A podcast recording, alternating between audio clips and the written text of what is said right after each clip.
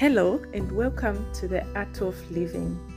Patinokurukura nezveupenyu, life as you experience it, tichishandisa shoko raMwari seguidance yedu.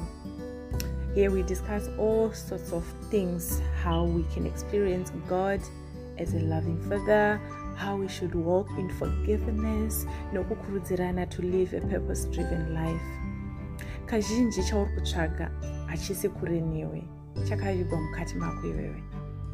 Be warned, because in our chats we can be very open about our own personal lives eh, asi zvikakurudzira even one person aiwa mwari ngavakudzwe as i was meditating upon the last chapter eh, kuti nyaya iripo ndeyekungoti injury pathis journey is inevitable. Like taona kukuvara kwakaita um, much afraid pachapter 10 vachikwira the, the mountain of injury. So iyi ngaitova igaroziva kuti zvatadai kudai kuenda parwendo urwo rwokuenda kumahigh places uh, kutokuvara kuchange kuripo. E, zvisatishamise kana zvatiwira. E, tisagumbuke kana zvatiwira tisakahadzike tingoziva kuti there is that bottle of grace rokuti tikarinwa we won't faint. Tikanwa grace iya tikaizora pamaronda edu we still going to get healed. And chandangofanira nechekuti pajeni pa yese iyoyi its actually ajeni yokuti haina comfort asi there all pane maways ari guaranteed for us like the companions given maropes ekusungana kuti tifambe the planks to cross over the caves to rest in marefreshments along the way. Saka izvozvo zvinofanira kutinyaradza kuti patinokuvara patinokuvadzwa tinopora. E, saka ndaizoshama pane mamwe mashoko aitaurwa mubhaibheri kuti hanzi itii mufaro chete kana zvichikuwirai echo like mufaro mufaro kana uchiri kuwirwa nezvakadai zvokuti zvinhu zvedenga hazvinzwisisike nepfungwa dzedu. So ngatisimbei ngatisimbei parwendo urwu. So panyaya yanhasi yekuti in the forests of danger uh, and tribulations and zita racho deading yacho. Saka hakuna zvokumbonzi the forest of beauty of flowers of aa uh -uh. utongoziva kuti rwendo rwacho ka kukweshana kweshana nenyama nemweya nepfungwa. Ipapa ah, god help us. Mwari vatidzikinure tikwanise kusvika to the high places. As if it's not enough chokwadi as if it's not enough wobva ungoudzwa kuti in the forest of danger in tribulations. Avedu ndopaipo vanhu vanozoti kunamata kwakaoma. Hanzi kunamata kwakaoma hanzi hazvina kureruka kusi nyore and ndozvaitaura vanhu izvi. Unonga kuzvozvibata manje kufamba nekumukukura kwechikristu kuti hmm, hanzi zvakaoma sekunamata. Right so ndangofara zvangu kuti pazosangana nachief shepherd vakavagarira muforest. Ah kungobatwa kudai maronda kupora ipapo uh, you know the heavenly touch is amazing. The heavenly touch is what we need right now. I just declare and decree that every wound every bleeding every crookedness iri patiri every lameness be touched by the heavenly hands and be healed instantly. Moziva kuporesa kwedenga soka haakutsanangurike kuti wapora sei? Ungoziva iye handiye andibata chandingoziva chekuti andibata. A mwari ngatibati maronda edu mwari ngatibate. Kuchekeka chekeka kwataita mweya yedu mwari ngatibati nezita rajesu munoziva pai pazvinonzi neshoko ramwari e, your ways are not my ways. No your thoughts my thoughts. Zviri kunyatsotigejegeja sikana zviri kutigeje nokuti apa zviri kunzi you have to walk the path of my will. Zvinokufambira. The path of my will his way his will. Ah regai vadzidzi pavakazodzidziswa kunamata. Ishe akati kana monamata moti your will be done. And kana iri will yavo ka ine maprovisions ine zvese inobuda itsoro inobuda inobuda bhobho. Ah mwari help us to know your will help us to know your will so that we walk in the path of thy will. Chokwadi. Bcause every time pane zvangundisiririsa zvangu machafred pese patarisa tsoka dzake pese pari kufunga nekukomplaina nekuweila zvichiwa futi ndakufamba mupata yemumvuri yerufu futi ndakutambudzika. Every time she complained aibva look up anzi more crooked than before. Ah what a great lesson. Hmm. i can imagine even what i'm going through kuti ha! Ndakarara ndanwa matablets ndakasvika kubasa ndakanwa matablets. Later on ndakanwa matablets. Kuseni ndisandatanga basa rekuseni ndanwa futi matablets. Ndibva ndati mwari ka thereis something going on in my life but I'm not, not sure what it is bcause musoro usiri kupera. Unongonyerera mubhichana. Saka pandasvika kunokumba i said ah let me read the chapter. Ndisati ndarara i know i'm not feeling well. Zvandiri kunzwa. Zvatondiaffecta even my, my physical being. Kuti even nyama kutonzwa kunge ndakagarirwa kutension yayo yekuti uri kurwara nekufunga. Ndangozvisa maoko mamwari now feeling much better after reading this chapter. Pandatsurwa kuti kunyange ukafamba pamupato wemvuri werufu usatombotya going to climb this mountain. Ndigosangana nezvandiri kusangana nazvo asi ndiringoti mwari vativhumbamire mane mapapiro avo because as i was picturing pese panga ndichingopictures kana nachirwara kurwara cheko kunwa matablets musoro usingapori kurwara. So kune vari kufunga nekugaya upenyu hwavo kana kuti vari kugaya masituation please tsurwai. Nechapta itsurwai ndabvuma zvangu ndatenda kuti you look more crooked than before. You look worse. When you complain when you feel bad when you start saying things to yourself kuti saka ndozvazviri saka zvichaita sei? Saka ndichave chipa so kutsurwa kwaitwa uyu machafred nekuzovharwa nzeve dzake kwaitwa nemacompanions ake zvamubatsira kuti as you stop listening to the words of negativity the words anokudzikisira pasi as we stop listening to them you feel much better because unonge wakuteerera or kumeditata on what the shepherd just said before kati ini kunyange ukafamba nepamupato wemvura werufu ndinenge ndinewe nemapapiro angu ndichakubvumbamira thousand may fall on one side ten thousand on the other side. Zvese izvozvo wakuzvifunga like as im meditating upon psalms 91 ndiri kunyatsoona kuti ndichapfuura. Ipapa pastage yasvika mwana ndiri kutoipfuura. Ndiri kungoti mwari help us not to listen to the words of negativity help us not to look pane zvakatipoteredza but timeditate on his word kuti tinopfuura tinofamba tichaenda vachatibvumbamira even as the weather is getting bad as a storm is going on we should not worry because maproblems andi anga ari kuwedzera pamusoro pemamwe as if its not enough zvandiri kuta go through but let's just thank god kuti vane mareassuring words avakatipa ekuti if we just look at them and meditate upon them the better for our lives. Lastly i would like to say eh, chivindi chazobatwawo namachafred ainenewo ndachitya kuti aizvo unotosvikawo pastage yekuti asikana unotora matombo ukatema satani unototora matombo kumutema kuti aikakaonjairira you know you come to that stage and mwari ngatibatsire.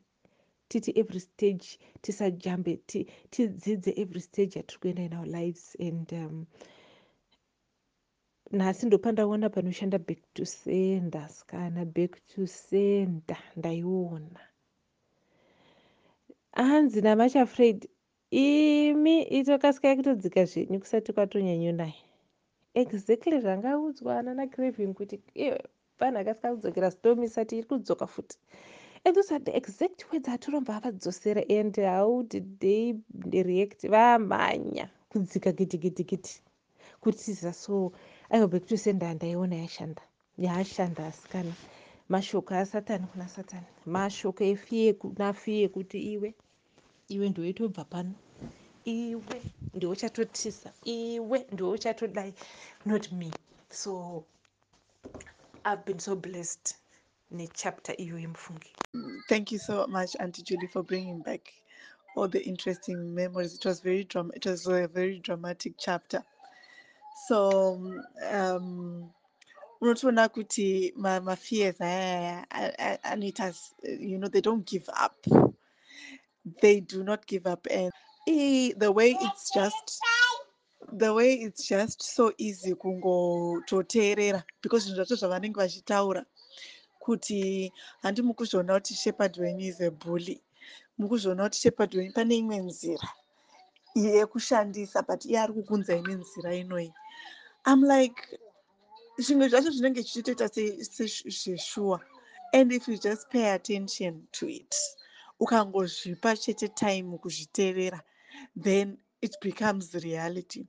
So like zvanotaura namam kuti you just need to resist the devil? No no no no. And i liked how sorrow and suffering vakaisa macotton buds mu- munzeve dza- munzeve dzamuch afraid which to me was just symbolizing kuti sometimes we have to we have to avoid zvimwe zvinhu zvinokonzera fears and anxiety be it if you concentrate too much on the news i remember pamazuva aya e- ecoronavirus and you know how taiswera taiswera cnn iri on but kuti ndikudze kuti it didn't help in any way. All it did was increase fear. Eh, matyikiro andaiita coronavirus. It was terrible. So it's so it's so interesting to to think of to see things that way. And um kuti mafears then i also liked the part where um, Craven Fear went and started knocking on the door. And I just because also it's so easy to be compassionate over zvinhu zvakashata saka ndatosvika eh, kuti e pamwe uyu mm, much afraid acha- achanzwira m- uyu hama yake tsitsi hama yake yekumba kwekudhara but i was so proud of her that she stood her ground and she's like no no no no no no no no. And endai paazowatema nema- nematombo. So it's been it was a very dramatic and interesting um chapter. And i liked um, also when it also said shall mention on auntie julie about how when you concentrate on these fears crooked. I was like wow. You know you you you cripple yourself sometimes crippled in fear. So oh my gosh this was a very interesting chapter if you just follow the will of God, as you call Mary, because they thought, you know, sometimes when you see things, your experience, when, when you see things and imagine how the walk will be, sometimes it's it's not like that. In fact most of the time it's not like that. But ukafamba namwari unotozoona kuti aiwa nzira yacho inofambika. So the will of god. Hugs to you auntie julie um, um, I don't have anything to any solutions, but just hugs. I'm I'm praying about it. I know kuti solutions will come, but um, ndafarira kuti mabreaka down ma- mazvitsiura ende matonditsiurawo nenyaya yema- imaginations imaginations will have you writing wills will have you you know wakutosota out you zvinhu wakugova nhumbi dzako you know because of sicknesses and stuff. Imaginations are bad. And mom makatanga nayo iyoyo yema-imaginations so i was just happy to have um, that spoken of again. And it's stuff that we have to be very careful about. So again hugs to you auntie julie. It is well it is well. Zvinogadzirisika and um, ndatoona kuti pama muchitotaura ndatoti a ah, much afraid anga ambomhira kudaidza chief shepherd but uh, i'm just happy you called the chief shepherd eventually. Iwo maemotions anotivhiringidza because aina i think kuti this book every woman should read because vanhu vechikadzi nditinowanzonetswa nemaemotions stereki. Vanhu vechirume vanonetswa neego isusu he! Haa anoswera achipishana because kazhinji kacho when you fail to be in control you end up being led by emotions. And mazuva ano every day i always pray kuti i am led by the holy spirit not by emotions. Cause zvizhinji zvatakaita nekuda kwemaemotions not that emotions are bad but the emotions should be under the ningi should be subject to the holy spirit. God gave, uh, gave us my emotions edu but anofanira kuve subject to the holy spirit just like everything else should be subject to the holy spirit. Zvikadaro chete zvinhu zvinotifambe i remember julie uchitaura nyaya yemaaltar uchiti ah kuchechi takadziwa kuti paaltar panoiswa mari. Indofunga kuti ka kuisa mari paaltar ka kotori nani just remember. Dai zvichinzi just think of how many times you walked down that path. Uchinoisa mari kumberi kwekwe. Dai wainoisa iwewe. Wati kwaendwa kumberi kuya when somebody could go and really build the altar kuti ndini ndiri kutsva panapa i'm offering myself. You know how many people would do it? But it's so easy. You know people can just run. Ungonoisa hake mari. Pane kuisa iwewe ndatombodzongorodza futi audio iyi. Maimubeka mandura yekuti dai paota mamhanyiro atinoita tichimhanya kunopuresa mari paota. Tichimhanya kunopuresa maobjects mamaterial things paota. Dai uriwe uri kunoisa uriwe wacho. Taimhanya here spidi iyoyo ai ai ai kana kuti waitonokwekweretswa kutonozvuviwa ukuchiita kicking and screaming uchiti aiwa aiwa even wasvika ukasatosungirirwa paota ipapo unoona uchase zainzi you crawl of the altar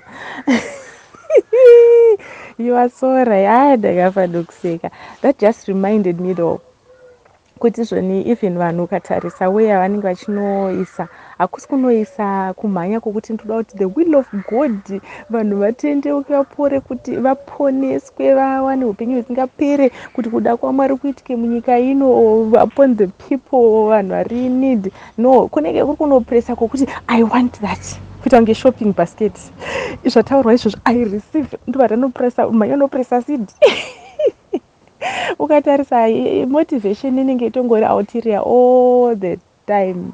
Ingori exterior ulterior mheno ikoko mamotives edu. Ekungoti inini inini changu.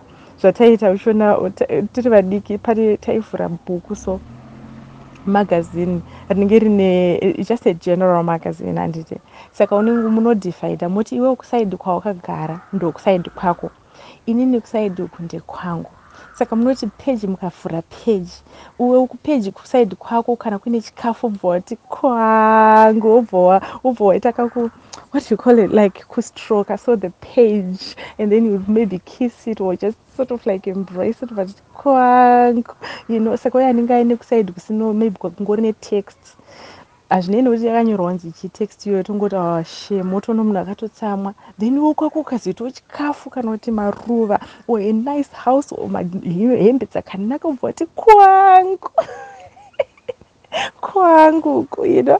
Saka iyoyo inenge ingoti mufundisi ari kuparidza ungoteerera pari kungonzi zvoni uchava nechakati? Kana kuti nhingi akazova nechakati? Iwo ukangoti aireceive chete even better ukatozonopresa kari kaseed ipapo ubvate kumhanya unoti pa mari paota aiwa aunenge wakwana nezvinhu zvese ndopaunyazona kuti ii pamwe pacho zvimwe zva kwanza dzimwe nguva ndinombotarisa some of the behavior zvimwe zvinhu zvataiita soka. Maybe not so long ago even. Wainyatsoti nai ndinonzwa kunyara. Mm, ndonzwa kunyara. I'm telling you tinoda zvinhu kana paine munhu anoda zvinhu mwana wamwari Yii!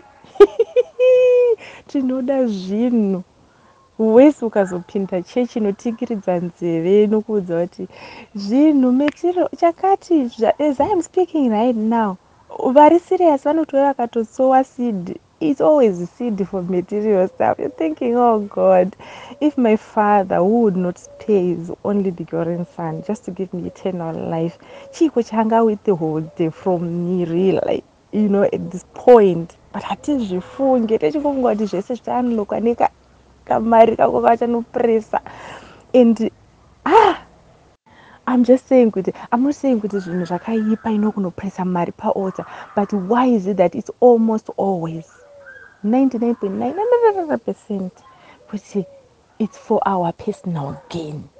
Nechingonopresa kuti zvindiitire zvangu zvifambe and kwete kuti zvangu zviri spiritual or zvokuti my spiritual gifts or kungo- kungoti my life in general ive balanced. No its only kungoti chakati ndokuda zvinhu. Zvinhu zvinouya zvi- zvokutoti mahedheni chaiwoka most of them atori nazvo in excess baggage vasina kana ma- ma- zvatinoichita izvi tichingozvilimita some of these things maprinciples angoripo but let's not then associate them as though ah you know its part of being mwana wamwari you know ndokuti zvifambe. No even kumashave vatori netwa vanonoisa and zvaitaura kuti ota dzavo kungononzi uya nezai chairo kana kuti uya ne- nesauti something chiso chingori asymbol yekungoti ndauya neichi isusu wati mo isusu mwari vari kuti inini ingozvisa ingozvileya iwewe paota chete uone.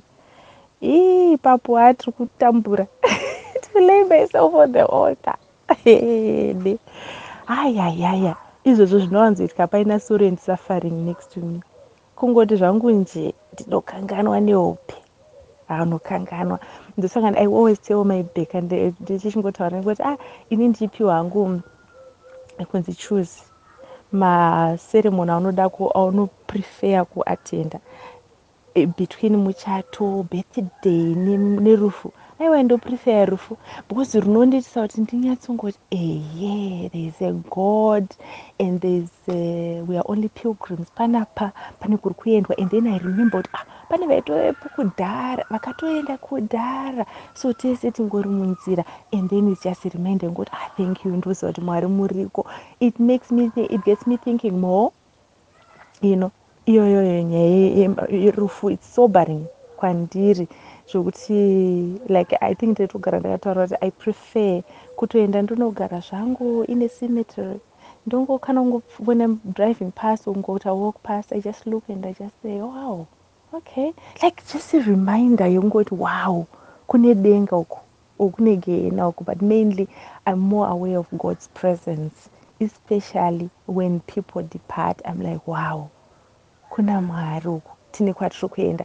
So maybe ndopa maybe maota ipapo. Ah ndopanofa zvekungoti uchingofara ungofara kuti fa ah munhu anokanganwa. Inokanganwa waota ibuke zvokumhanya.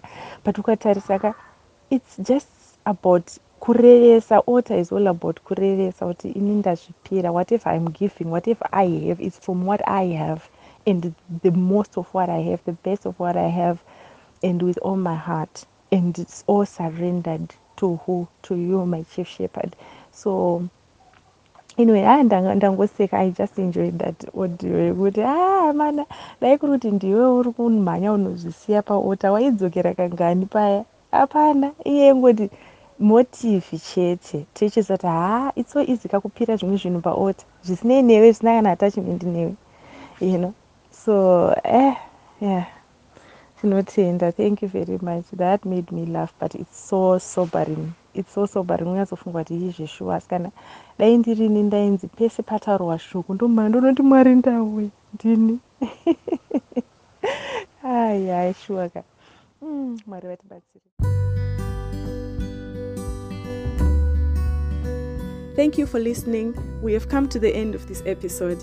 If you have any questions relating to what's been discussed or you just want to share your own experiences, please email us on the art of living zim at gmail.com. The Art of Living Zim at gmail.com. And please don't forget to share this podcast with others if you're finding it helpful or interesting. Hope to hear from you soon. See you in the next episode.